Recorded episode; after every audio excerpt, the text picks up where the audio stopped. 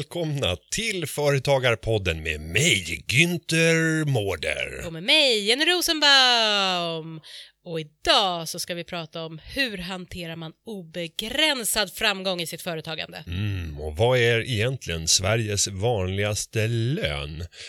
Och du kanske även undrar vad balkongtillägg är? Det kommer du få lära dig i det här avsnittet. Och kommer företagarnas ansvarskod att hålla när det gäller krav på kollektivavtalsliknande former vid offentlig upphandling? Och hur står det egentligen till när man säljer saker online? Är det en krånglig beskattning eller inte och vad ska man tänka på? Välkommen till dagens avsnitt. Företagarna. Du, eh, nu är det sommar. Att det är... Ja, det, det kan regna vissa dagar och det kan vara solsken vissa dagar. Men jag tänker eh, sommar, sommarfest, sommarkläder, härliga... Vita kläder, härliga mi- män. Ja, men, män, mingel, kvinnor, vad du vill. Pina Eh, coladas. Exakt. Alltså, sommarfester brukar ju vara mycket av på företag och så vidare. Och då vill jag till min förvåning, besvikelse och om jag blev ledsen upptäcker jag på Facebook så här, gud vad kul vi hade på sommarfesten. Vi liksom eh, hemma hos chefen och bara latchar och dricker vin och har det mysigt. Och där sitter jag med mina två barn, svettig, i min ensamhet och undrar, men vad hände? Varför blev inte jag inbjuden till sommarfesten? Alltså, och så tänker jag så här, blev jag arg eller blev jag ledsen eller vad hände? Eh, Tå- jag- Tårarna som just nu rinner på min kind. Varf- vad innehåller de Nej, för men jag tar ju någonting? tag i det här direkt. Jag skickar ett sms som den jag är till Günthers Günthern. Eh, får inget svar. Där kände Var jag... det på festkvällen eller? Var? Ja, ja, ja, ja, ja, precis. Mm. Men, men det brukar ändå komma svar väldigt snabbt. Blir väldigt upprörd kan jag säga. Eh, skickar även ett litet argt sms till min chef och eh, ja, nej. Det här var också under festkvällen. Nej, det här var faktiskt dagen efter. Eh, där det var tårarna har torkat och man känner hur Ja. sältan bara smält in i kinden och man är helt stel i Jag har ansiktet. lugnat mig lite men så fort jag tänker på det blir jag upprörd igen. Där får jag något så här konstigt svar också. Så jag tänker, nej, jag tar tillfället i akt. Jag går till den källan, den berörda, den som har bestämt att jag, Jenny Rosenbaum, inte ska få delta på Företagarnas sommarfest. Ja, och då, Alltså, du hör ju, det bara skär sig i rösten. ja, och, där, och där ska ju sanningen fram och säga att vi, vi hade en, en omröstning på kontoret. Eh, Ska Jenny? Vad tycker alla Nej, och, det, och, komma och, och så här, jag, jag blev ju eh, väldigt upprörd när jag hörde det här, för jag tycker det är självklart. Jenny är ju föräldraledig Mm. och det är allt annat än ledig. Är, jag brukar säga att jag är föräldraledig när jag inte är med, med barnen. Mm. Men, men du är inte på jobbet utan tar hand och jobbar hårt för att få ihop eh, familjelivet och kommer dessutom in Mm. och jobbar typ 10% för att spela in podden. Eh, Och för mig är det, är det självklart att eh, alla ska bjudas till sommarfesten, tänk- även föräldralediga. Så det här gjorde mig besviken. Jag vet ju inte om han ljuger nu, rakt upp i ansiktet på mig och bara skyller ifrån sig, för egentligen var det en omröstning, vad ska vi Ja, göra? eller hur? Och då ska vi lägga till i sammanhanget att det, jag tror att vi hade tre personer som är föräldralediga Ja. Mm. just nu på Företagarna. Så att det är ju eh, inte någon stor kostnad att tala om. Nej. Det är ju inte så att det är 40 extra man som kommer in. Men har det blivit fel eller fick jag inte komma? Var jag inte bjuden? Nej, Vad men är det frågan om? Nej, men jag sitter, Diskrimineringen nej, men jag sitter och liksom. funderar på om min, eh, min inställning och min aura när Mm. det gäller sparad krona har gått för långt i enskilda eh, medarbetares tänk när man tänker För ja, det är men, det jag tror. kan, man, kan man spara? Men De vill om, göra dig så stolt. Ja, om de, om de inte blir bjudna, eh, då sparar vi ju tre stycken personer till. Eh, och om vi lägger festen olägligt så kanske färre kan komma. Så bara, ja, men då kan vi lägga ner hela, hela alltet, för då har vi inga vi kostnader alls. Mm. Vi behöver inte ha några anställda alls. Vi kan bara förruttna. Vi sparar jättemycket. Ja, styr upp det här nu, berätta. Men, eh, nej, så att eh, jag vet inte och jag hoppas att det här är ett, eh, ett undantag i, i, eh, i historien. Utan att vi för all evig framtid även kommer att ha föräldralediga på plats på sommarfesten. Jag tycker att det är en självklarhet och eh, det här kommer tas upp. Men så kom en kompensation Det gjorde det, och Så- om det gjorde. och med besked Skoja inte. får man säga. Då Jenny Rosenbaum som enda anställd inom företagarna Ja, i alltså Sverige, hela Alltså, organisationen, Titta, titta på mig, jag har gåshud, jag drar upp min arm. i hela galaxen, Ja, blir bjuden till min sons dophögtid. vilken ära. Berätta känslan. Nej men alltså, först trodde jag nästan att det var på låtsas, alltså när du frågade. Jag var så här, Kan det vara sant? ja men så här, vill du komma på min sons dop? Jag var så här, ja, han har väl bjudit halva företaget liksom. Ja, det är klart jag ska komma på ett dop. Det Han, han har ju inga vänner för han Nej. jobbar ju hela tiden. Ja men exakt. Mm. Och sen så eh, när jag väl dök upp och förstod att ja, det, det är var, sant. Det, är sant. Hade, du hade förberett, det kommer inte vara dop här. Nej, jag slutade ju aldrig att dricka. Nej, jag menar, jag slutade aldrig skra- skratta. Nej, men alltså det var faktiskt väldigt trevligt. Och då fick ju du se en, en annan sida av mig själv som få har fått träda in i, den privata sfären och särskilt fått se mig i kyrkliga sammanhang. Jag har ju vuxit upp i kyrkan, inte för att jag kommer från en djupt kristen familj utan för att jag har sjungit i gosskör i kyrkan. Det gör att jag har spenderat eh, i snitt två dagar i kyrkan i veckan under hela min, min uppväxt. Och det ska man väl säga att jag, det här är mitt andra dop. Jag har ju aldrig, eller jag har liksom inte gått på så många och det förra dopet var ju typ så här för två veckor sedan. Så att det här var ju ändå en upplevelse för mig. Jag tycker det är mycket, var mycket trevlig kyrka till att börja med. Ska Och det var alltså Sollentuna kyrka, Ja. så har vi gjort reklam för det. Precis, nej men den var väldigt fin. Men alltså Günther, vilken stämma, alltså det var bra tryck i rösten på så många sätt. Jag hade ju battle med prästen. Ja, och det det var är liksom ett bärande tema. Jag försöker alltid utmana prästen när man ska läsa trosbekännelsen och liknande. Eh, Och det gör jag genom att prata med väldigt intensiv stämma. Fader vår som är i himmelen. Alltså det var så här på riktigt ni där vare ditt namn. Eh, Och när man gör det och sen så kör man lite långsammare än prästen men överröstar prästen. Så Du blir, skulle sett hans min alltså, och han hade ändå störda. en mikrofon, det hade Ja. inte Günther och ändå var Günthers stämma mycket djup. och sen bj- bjöds du på sång. Mm, det gjorde jag också. Eh, det var väldigt fint, det var lite a cappella även. Det var det. Det var vackert, det var, eh, nej, det var väldigt trevligt måste jag säga. Och sen så var det ju en efterföljande lunch där jag som det sociala geni jag är också förstår att jag måste gå till, alltså för att få reda på lite mer om Günther, få liksom komma in i familjen, lite mer, vem går jag till? Jag behövde inte ens Du var så snokig. Nej, jag var inte snokig, jag var Nej. uppsökande. Nej, jag var inte ens det, utan fram till mig kommer en kvinna som tar mitt barn ur mina händer och som en van person med bebis. Och det visade sig såklart vara Günthers mamma. Det var där jag började. Sen blev jag presenterad för alla Günthers syskon, hade ett långt samtal med moster, alltså eh, ja, Caroline, Günthers frus pappa pratade jag med.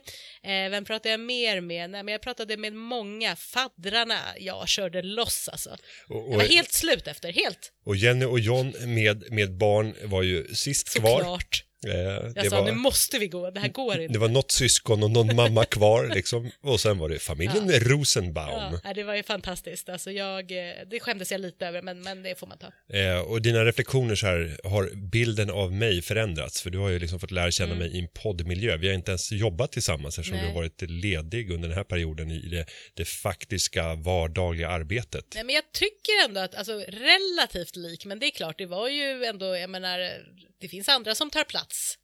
Så att du var ju tvungen att kanske ta några steg tillbaka någon Mm. gång. Din mor är ju fantastisk och jag blev ju så glad. Hon var ju så här, men vem är det här? Jenny? Nej men henne måste vi höra mer av. Henne måste vi... Varför? Jag blev så nöjd. Ja, eller hur? Ja.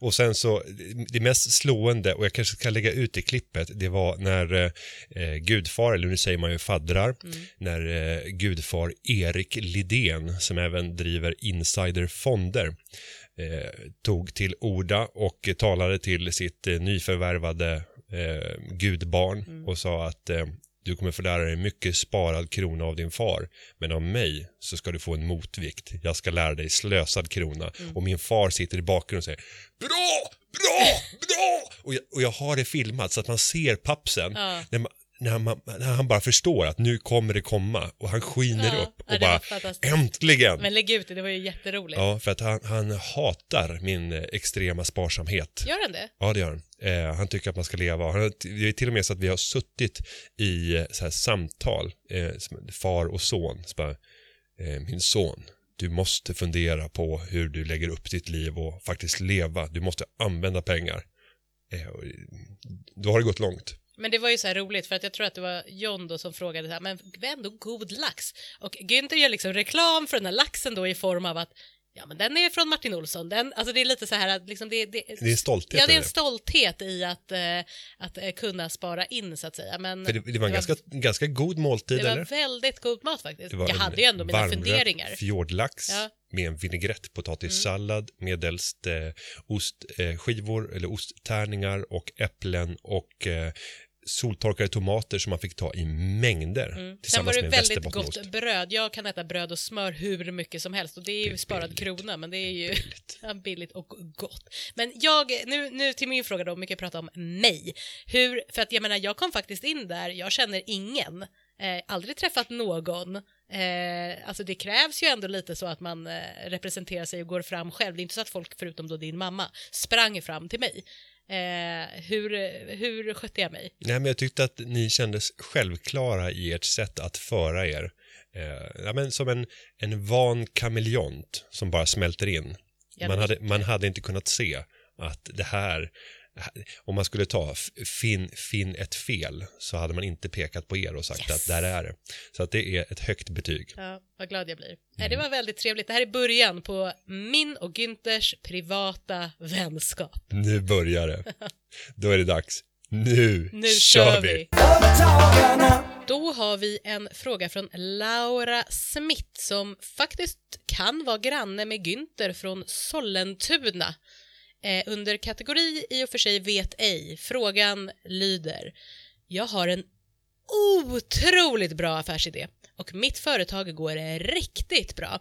Jag vet att vi kommer fortsätta att expandera i samma takt som vi gjort det senaste året. Jag har ambitionen om att bli störst i Sverige men jag vill inte riktigt nöja mig där. Det kommer att ta tid för expanderingen eftersom, äv, eftersom även om vi har bra vinstmarginal så är vi fortsatt små och vi kan inte satsa allt på expandering som jag gärna skulle vilja. Vi har ett slående ovanligt koncept med en stark kundkrets redan nu efter två år.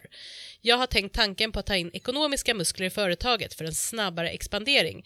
Men jag vill inte bara ha investerare utan är mer intresserad av ordentlig partner och delägare.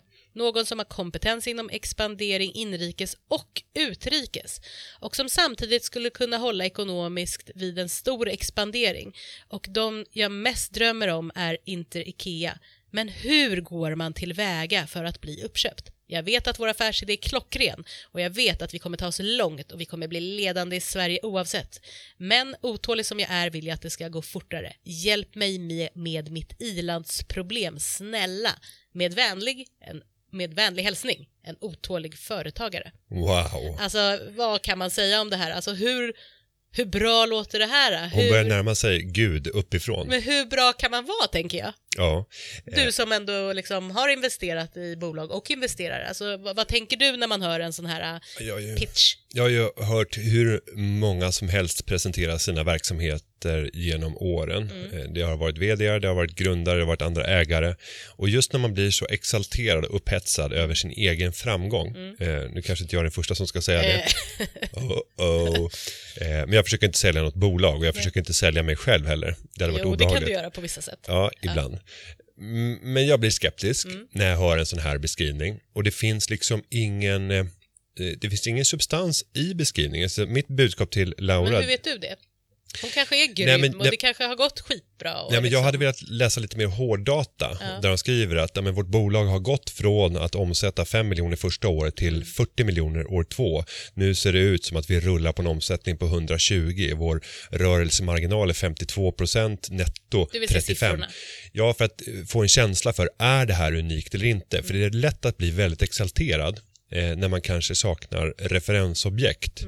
Men om det nu är så här fantastiskt som Laura beskriver och vilket jag hoppas att det är så tror jag att eh, de här problemen kommer lösa sig självt bara omvärlden blir medvetna om den framgång, den succé, den enorma lyriska framtid som ni kommer att gå till mötes. kommer folk komma springande efter dem. Ja, men då måste man ju göra omvärlden uppmärksam på hur vacker man Och är. hur ska man göra det? Att synas och höras. Och Alltså ska man man, själv då eh, skicka ut eh, liksom förfrågan till typ Dagens Industri, hej här är vi? Eller? Ja, att tipsa, att Ja. pitcha, Mm. alltså att delta i alla tänkbara typer av pitchtävlingar, att vara med i alla sammanhang där man kan presentera bolaget. Var inte rädd för att någon annan ska stjäla idén. Mm. För att 90% av en företagsframgång handlar om exekvering, din förmåga att realisera den affärsidé som du har. Och de flesta har inte den kapaciteten eller kraften. Det drivet du har i ditt hjärta är svårt att kopiera. Och det här drivet i den här frågan, det kan vara mycket svårt att kopiera. Ja, och i det här sammanhanget, om hon skulle få ett heluppslag i, eh, i Dagens Industri där man faktiskt lyfter upp entreprenörer flera gånger i veckan och ger dem just ett heluppslag, ja då skulle vetskapen om denna framgångssaga spridas bland potentiella investerare och hon skulle behöva ha hemligt nummer för att hålla tillbaka alla som skulle vilja komma in och bidra med både kompetens och med pengar. Men är det farligt att växa för snabbt då tänker jag? För att nu säger vi att det går så här bra. Det är ju väl, hon är ju väldigt ivrig här att eh, hon vill inte bara inrikes, hon vill även utrikes. Alltså ska man tänka så, för att liksom generellt sett måste man ju ändå säga att det är bra att tänka stort och sådär, men ska man, eller ska man lugna sig lite och vara lite på mattan och Det beror, ju på, av? det beror ju på vad det är för business. Är det en digital business, då ska man omedelbart tänka globalt. Mm. För att eh, det är inte alls säkert att den svenska marknaden är den mest intressanta eller där potentialen vilar eller ens där det kommer att gå hem om vi tänker apputvecklare. Det finns ju vissa svenska utvecklare som har tagit fram appar som överhuvudtaget inte används i Sverige men som slår på andra marknader. Om det däremot är någon form av fysisk produktion eller någon form av mänsklig leverans i form av ett tjänsteföretag att då börja etablera sig på mängder av marknader samtidigt kan bli kostsamt. Och det kan skapa ett eh, brist på fokus, vilket gör att man inte når den fulla potentialen. Så jag brukar alltid säga att börja med att bevisa det på hemmaplan. Eh, Och när du är stark på hemmaplan, då kan man börja spela borta matcher. Och då börjar man röra sig mot de marknader som är mest lik Sverige. Och då kan man ju titta på den finska marknaden till viss del, både Norge, Danmark. Och det som gör det lätt med våra grannländer, det är ju den geografiska närheten. Kulturella skillnader är relativt små, även om det här får äta upp. Finland. Jo, och även Danmark och Norge. Ja. Det är stora Ja, kulturella skillnader. Och Jag vet när jag pluggade i USA så blev jag alltid talesman för, för the Nordics. Mm. Och sen försökte jag förklara, så bara, nej, nej, nej, det är jättestor skillnad mellan svenskar och finnar och även mot norrmän och Dan bara, yeah, yeah, sure. Nej, men det jag skulle satsa på, det är liksom PR-funktionen. Mm. Se till att synas och höras och visa upp ert case. Så fort ni blir kända så kommer folk att ringa på dörren. Mm. Eh, sen tycker jag även att ni kan jobba mer proaktivt och välja ut vilka är era drömpersoner som ni skulle vilja ha in i bolaget, antingen i styrelsen eller som ägare eller på andra sätt rådgivare till er och fundera över hur ska ni närma er de här personerna. Så att jag, har man framgång i ryggen så är det väldigt sällan ett problem att kunna realisera sina drömmar. Men, men eh, jag tror att man Låt andra experter titta på det här. Gör bedömningar värderingsmässigt. En bra övning som jag brukar tipsa företagare om det är att själva skriva ner på en lapp vad de tycker att sitt företag är värt. Visa hur kalkylen ser ut ner till den slutgiltiga prislappen om du skulle sälja hela rasket och sen går du ut till potentiella investerare och ber dem utan att eh, för den delen vara bundna till att behöva investera men att göra en uppskattning. Vad tycker de att det är värt? Mät den skillnaden. Ju större skillnaden den eh, som ni får, desto mer måste du öva på din självbild. För den är viktig i det här sammanhanget. Men vi säger eh, grattis till Laura eh, och jag hoppas att hon med de här tipsen kommer att kunna få in de personerna som kan bidra både med kunskaper, erfarenheter och kapital för ja, tillväxt. lycka till Laura. Och vi går vidare till nästa fråga. Och då är det Kalle från Göteborg som har en fråga inom området gråzonen. Företagarna. Jag är på gång att starta eget aktiebolag och jobba som IT-konsult. Företaget kommer att vara enkelt. Jag kommer att skicka 12 fakturor om året, ofta till samma kund. Jag debiterar ett pris för varje timme jag arbetar. Utgifterna är få, försäkringar, bokföringsprogram och kanske en dator var tredje år. Jag kommer inte sälja några varor och inte heller ha något lager. Men jag hade tänkt för enkelhetens skull att betala ut samma lön till mig själv oavsett om jag har jobbat, vabbat, haft semester eller varit sjuk. Det blir enklast så. Kan detta orsaka några problem? Till exempel, Tycker Försäkringskassan att jag inte borde få ut pengar för vab eftersom enligt dem har jag inget bortfall av inkomst? Bör man ge sig själv semesterlön under semestern etc? Kom gärna med lite tips på hur likt en riktig anställning man bör sköta sin anställning i det egna aktiebolaget. Tack för en bra podd. Hälsningar Kalle. Ja, Jenny, vad ska vi säga här? Det är ganska roligt att bara komma och tänka på en riktig, en riktig anställning. Det är ju jätteroligt om man har så här, man är själv i företaget och så kallar man in så här, på måndag har jag ett personalmöte. En riktig anställning. Riktig anställning. Jag ser väldigt mycket fram emot mitt riktiga utvecklingssamtal. Ja, man sätter sig med sig själv och säger det där gjorde du riktigt bra. Du är värd en mycket hög Var, varför har inte jag en riktig chef? Ja. det kan bli, bli ganska kul. Men nej, skämt Mm. på sido. Eh, vabba, det är ju någonting vi har pratat faktiskt väldigt mycket om, vabbande och företag. Så ett tips nu utan att låta dryg, lyssna på lite olika poddar. Nej, men alltså vi har pratat om det rätt Och mycket. gå tillbaka för och att- lyssna på gamla avsnitt. Ja, för det har varit väldigt många som har ställt den frågan och väldigt kortfattat sammanfattat är väl att Eh, du måste ju visa att du inte har arbetat den dagen som Alltså om du vabbar, du kan inte få ersättning både från Försäkringskassan och ta ut lön för den dagen. Men det säger ju inte då att du inte kan ha samma lön, för du kan ju jobba igen det på kvällen eller på ja, eh, helgen eller något liknande. Det är väl sammanfattningsvis angående vabben i alla fall.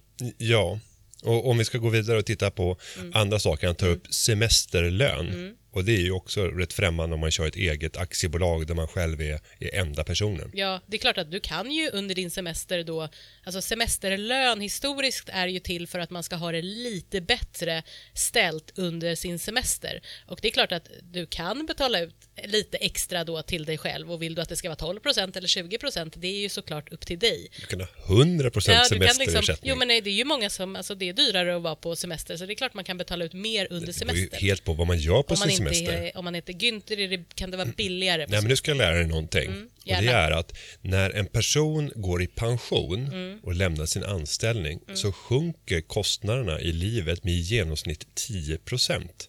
Men kan det också ha med åldern att göra? Nej, för man mäter Man ju från tröttare. 65, om du tar då de som är 65 och de som är 66 Mm. och den ena jobbar och den andra har gått i pension, det är samma person Mm. då, men, men så ser man att i genomsnitt så är det 10% lägre levnadsomkostnader. Mm. Det har att göra med att man planerar på ett annat sätt, man har tid och tid sparar pengar.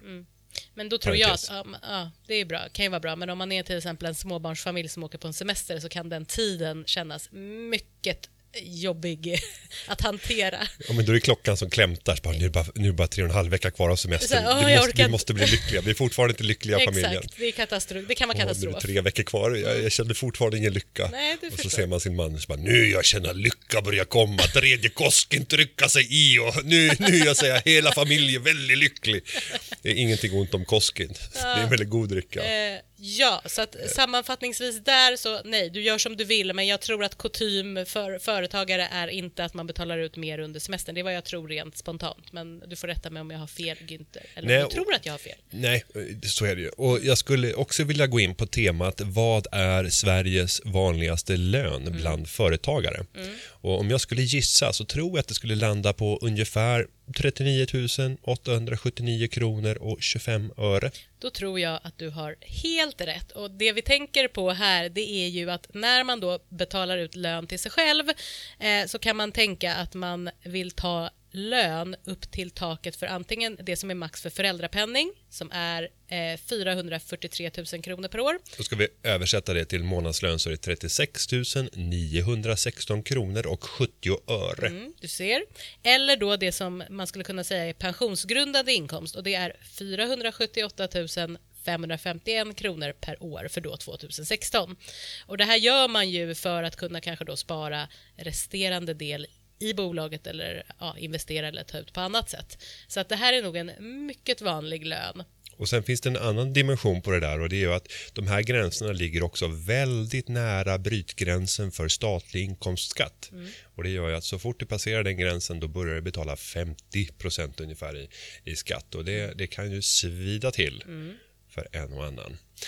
Så att eh, det, det är Många företagare lägger sig på den nivån för att sen utnyttja möjligheten att kunna ge utdelningar med förmånlig eh, skatt på. Och där ska vi också säga att just nu pågår en utredning som tittar på hur hög ska skatten vara på den utdelning som man ger till sig själv som aktieägare och kopplat till regler som man kallar 3.12-reglerna. Och sannolikt skulle jag säga och det här är spekulativt från min sida, är att reglerna kommer att skärpas till avsevärt. Därför hör jag just nu många företagare som tömmer sina bolag på utdelningsbara medel i förhoppning om att eh, man ska hinna få ut pengar till en låg beskattning innan dess att reglerna ändras. Högst spekulativt. Mitt eh, råd är, är jag skulle inte säga någonting, men jag skulle säga, ha, ha det här i beaktande. Finns det väldigt mycket sparade reserver som du har tänkt att dela ut i framtiden med motsvarande regler som finns idag så tror jag att man kanske tänker lite fel. Mm.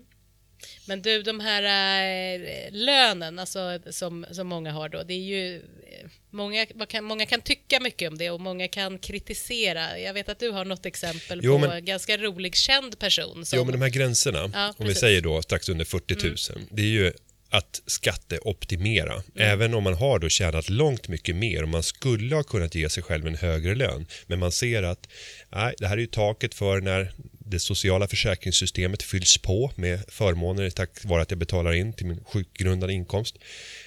Sjukpenninggrundande. Sjukpenninggrundande mm. inkomst.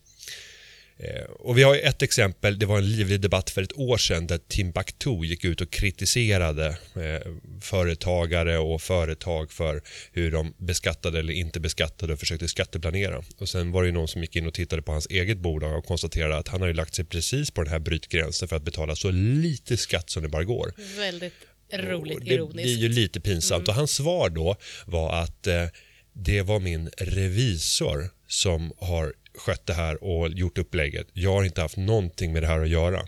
Skyll alltid på revisorn. Mm. Gött. Alltså, jag kan, ett medskick till alla företagare där ute. Det är väldigt sällan som det blir förmildrande omständigheter för att man försöker skylla någonting på sin revisor. Det revisorns fel. Ja, Skatteverket brukar ha låg eh, eh tolerans. tolerans när det gäller den typen av, av förskjutande av ansvar.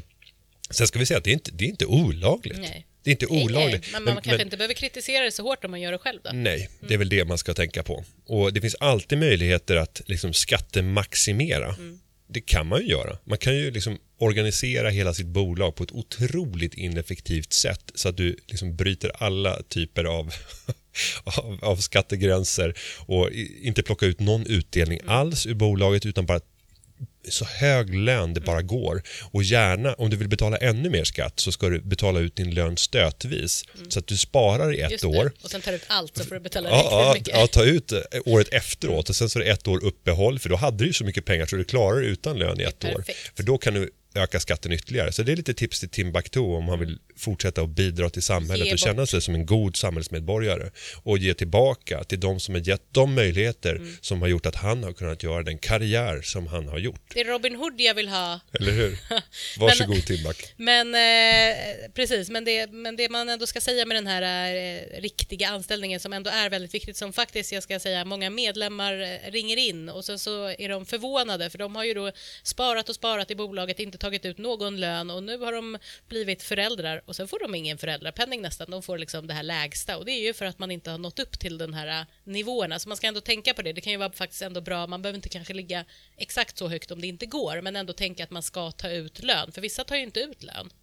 Nej, och, det behöver inte heller vara så bra menar jag på att spara allt i bolaget, att man nej, tror och, att det är en bra grej. Om man bedriver en verksamhet som kan vara lite riskabel med mm. stora risker där det kan hända att marknaden bara självar och självar till och du tappar all förmåga att bedriva din business.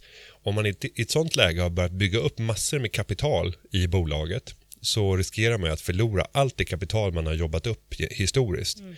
Det som många gör då det är att ha ett bolag ovanför, ett holdingbolag dit du kan skicka utdelningar upp till bolaget utan att det beskattas. Det, för att på så sätt mm. har de konserverade utanför den ordinarie driften.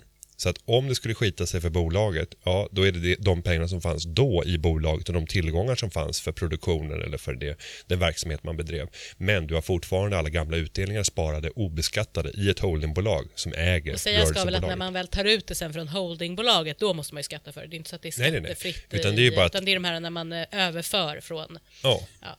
Och sen ska man också lägga till där att om man märker att det börjar krisa i ett bolag och då börjar man plocka ut pengar och dela ut till modern eller liksom till ett annat bolag. eh, Då kan det vara otillåten utdelning. En annan sak som jag vet att, eh, att du har hört talas och tittat närmare på det är ju när det gäller tillägg. Vi pratar om semestertillägg men det finns ju även i enskilda kollektivavtal lite andra tillägg. Ett sjukt tillägg som jag fick lära mig här tidigare idag. Ja, nej men det var väldigt roligt. Jag hade en, en förhandling för några år sedan och då handlade den här tvisten just om ett balkongtillägg. Jag vill ha balkongtillägg. Jag vill ha balkong och jag var så här, vad är ett balkongtillägg? Så nu har jag även lärt Günther vad ett balkongtillägg och nu ska jag lära er, ja, er där ute. Nej men eh, det finns vissa kollektivavtal, eh, bland annat Metall har eh, det här balkongtillägget. Det är egentligen en låglönesatsning kan man säga, att med extra satsningar på de som har extra låg semesterlön så att man helt enkelt ska komma upp till en rimlig nivå. Och det kan väl i och för sig eh, låta bra, men varför heter det då balkongtillägg? Det är ju då för att man under sin semester ska slippa sitta på balkongen och häcka. Så, som om det skulle vara någonting dåligt. Alltså Ja. de flesta skulle ju drömma om att ha en balkong. Mm. Balkongtillägg för mig eh, kommer från eh, bostadsrättsvärlden Mm. när man efterkonstruerar balkonger på de lägenheter som har möjlighet att få en balkong. Mm. Och då får man ett balkongtillägg som innebär att du får en förhöjd avgift till föreningen med 60 kronor i månaden om du fick balkongen. Så att det är en efterhandskonstruktion för Mm. Men det här skulle också kunna vara en förhöjd, inte avgift, men inkomst för att du... För att kompensera för Ja, att man har eller, fått den där balkongen. man, eller så kanske jag har missuppfattat och det är inte att man ska slippa vara på balkongen, det är att man, Man ska kunna. kunna få vara på balkongen. Det Och kan att ju man vara återigen ska kunna köpa mycket koskil till balkongen. Precis, med balkongtillägget. Men Balkong. eh, i frågan om vi liksom går tillbaka till den så var det ju om man skulle betala ut extra semesterlön under semestern. Det vore väldigt roligt om det står så här extra 12% semestertillägg och sen ett extra litet tillägg, balkongtillägget. Bara kom in där. Ja, en liten balkongtillägg. Ja. Ja, med det tillägget Mm. så rör vi oss vidare. Det gör vi. Och vi är över på en fråga från Ludvig, vackert namn. Mycket. Eh, och då är frågan följande. Jag är i startgroparna att starta upp ett tjänsteföretag som främst ska förmedla utbildning till både privatpersoner men även delta i offentliga upphandlingar på utbildningsområdet. Min fråga rör offentlig upphandling och det förslag som regeringen lämnat på remiss till lagrådet. Förslaget går i stort ut på att sätta krav på kollektivavtal vid offentlig upphandling. Som snart ny företagare som självklart vill stå för schyssta arbetsvillkor och gärna tillämpar er nya ansvarskod ser jag förslaget som odemokratiskt och framförallt diskriminerande. Hur kommer er nya ansvarskod stå sig om detta förslag går igenom? Och jag vill bara, eh, bara för att klargöra, i frågan så står det att det här förslaget då går ut på att sätta krav på kollektivavtal vid offentlig upphandling och riktigt så är det ju inte utan det är ju ett krav på kollektivavtalsliknande Former. eh, former. Precis, för att är det så att det är en offentlig upphandling som ni där ute har sett där det står ibland bara att det är ett krav på eh, kollektivavtal, ibland kan kollektivavtalet stå så att det är ett, Ett spec- specifikt. Ja, exakt, ett specifikt kollektivavtal. Hör av er till företagarna då för då kan vi hjälpa er att överklaga för det är olagligt, man får inte skriva så. Då skickar vi ut blodhundar. Och det gjorde vi ju här tidigare i år på Mm. Det. Vimmerby kommun där kommunfullmäktige fattade beslut om att i kommunens samtliga upphandlingar så ska det ställas krav Mm. på kollektivavtal. Och vad händer där då? Eh, det får vi se. Vi gör en laglighetsprövning Mm. Mm. med eh, goda utsikter, tror jag. Så att eh, Vi får följa det. kommunfullmäktige kommer att få äta upp det där, faktiskt. Mm. är min övertygelse. Men om vi tar då ansvarskoden, företagarnas ansvarskod som... Mm. Dra lite snabbt vad det är om man Ja, inte har... eh, vi har pratat det. om det i något tidigare avsnitt. Företagarnas kongress har röstat igenom enhälligt att vi ska gå vidare med framtagandet av en ansvarskod. Den finns till för alla de företagare som idag väljer bort kollektivavtal och det är sex av tio företagare med färre än 50 anställda som idag inte har ett kollektivavtal. Men många av dem har schyssta villkor. Eh, Ett kollektivavtal är oftast mellan 50 och 70 sidor långt. Vi har gjort ett avtal som är Ja. Tre rader. Ja, tre rader. Du är ägd, står det bara. Det är tre ord. Eh, nej, det är det inte, utan eh, det eh, kommer förmodligen landa i ungefär sju sidor. Vi skriver på begriplig svenska, inte på juridiska, för att det ska vara minimala eh, tolkningssvårigheter. Och eh, avtalet reglerar alla de viktigaste delarna som man brukar definiera som schyssta villkor. Så vi har tittat på vad säger arbetsgivarorganisationer och vad säger fackförbund när de tar upp frågan om vilka är de viktigaste delarna i schyssta villkor. Det skulle väl kunna vara kan man säga, det är väl ofta semester, arbetstid, personal, pension, försäkringar, försäkringar skyddet för den Ja. enskilde. Ja, så att eh, vi tar ut de viktigaste delarna och skapar ett, ins- ett avtal som man som företagare skriver på att eh, åta sig att efterleva och sen skriver man in det i anställningsavtalen med sina anställda. Att eh, företaget har åtagit sig att efterleva företagarnas ansvarskod. Se länk här för att se innehållet. Och vårt mål det är ju att skapa ett avtal som gör att man dels kan visa upp att man har schyssta villkor mot sina anställda men också vår dröm är ju att när man ställer krav på kollektivavtalsliknande former så ska vi ha ett avtal som är så pass utformat att det kan svara upp mot de kraven utan att man för den delen skull behöver ha ett kollektivavtal. Vad tror du då? Om du tittar på frågan här så är det ju att kom, kommer den hålla sig den här ansvarskoden? Det är vår yttersta ambition, men ingen vet Nej. för att vi får se hur man gör tolkningsmässigt när man börjar utforma sådana här krav från, från kommuner och från andra offentliga Men inrättningar. man när man hoppas ju det. Och, och, och, Ja, målet måste ju vara det. För att ja, göra, precis. Göra hela den marknaden. Vi pratar om 700-800 miljarder kronor som varje år handlas upp via offentlig upphandling. Och det är en alldeles för stor marknad för att inte släppa in de sex av tio företagare som idag inte har Vet du kollektivavtal. vad, det finns en annan marknad också. Det är faktiskt Arbetsförmedlingen. De har också i vissa av deras, eh, eh, alltså när man får, kan få hjälp med lite bidrag då från Arbetsförmedlingen för att få in eh, diverse personer på arbetsmarknaden, då kan de också skriva just kollektivavtalsliknande eh, former. Så att jag menar, eller ja, villkor. Och då skulle den här kod, alltså kod, ansvarskoden kunna vara till hjälp även där, att man visar upp att det här är det vi står för. Det kommer det göra. Mm. Och eh, för er som blir lite extra intresserade av att lära er mer om det här så kan jag tipsa om att eh, under Almedalsveckan så kommer vi på tisdagen att hålla ett seminarium om det här. De flesta som lyssnar kommer förmodligen inte att vara på plats och därför så direkt sänder vi hela Mm, seminariet på Företagarnas hemsida. Det kommer även ligga uppe på Youtube i efterhand och vi kommer att klippa ut separata intervjuer kopplade till ansvarskoden löpande under veckan. Så mycket av vårt arbete på plats i Almedalen kommer att handla om schyssta villkor och Företagarnas ansvarskod. Och ni kan följa det var ni än är i Sverige, tycker jag är väldigt bra. Bra initiativ. Var du än är i världen, I världen i galaxen. Ja, Så världen. Mm. länge du har internet så kan du även se det ute i, i den intergalaktiska miljön. Otroligt, otroligt. Fantastiskt. Mm. Så med det så har vi gett lite tips tycker jag till tycker jag. den vackre eh, Ludvig, i alla fall namnmässigt. Mm. Vi går vidare. Nästa fråga kommer från Rickard och är på temat bli underbart förmögen. Också ett vackert namn. Mycket vackert Jaha. namn. Men, det, men det var vackrare förr i tiden. Ja, det var ju det. Hej och tack för en lärorik och bra podd. Tack själv.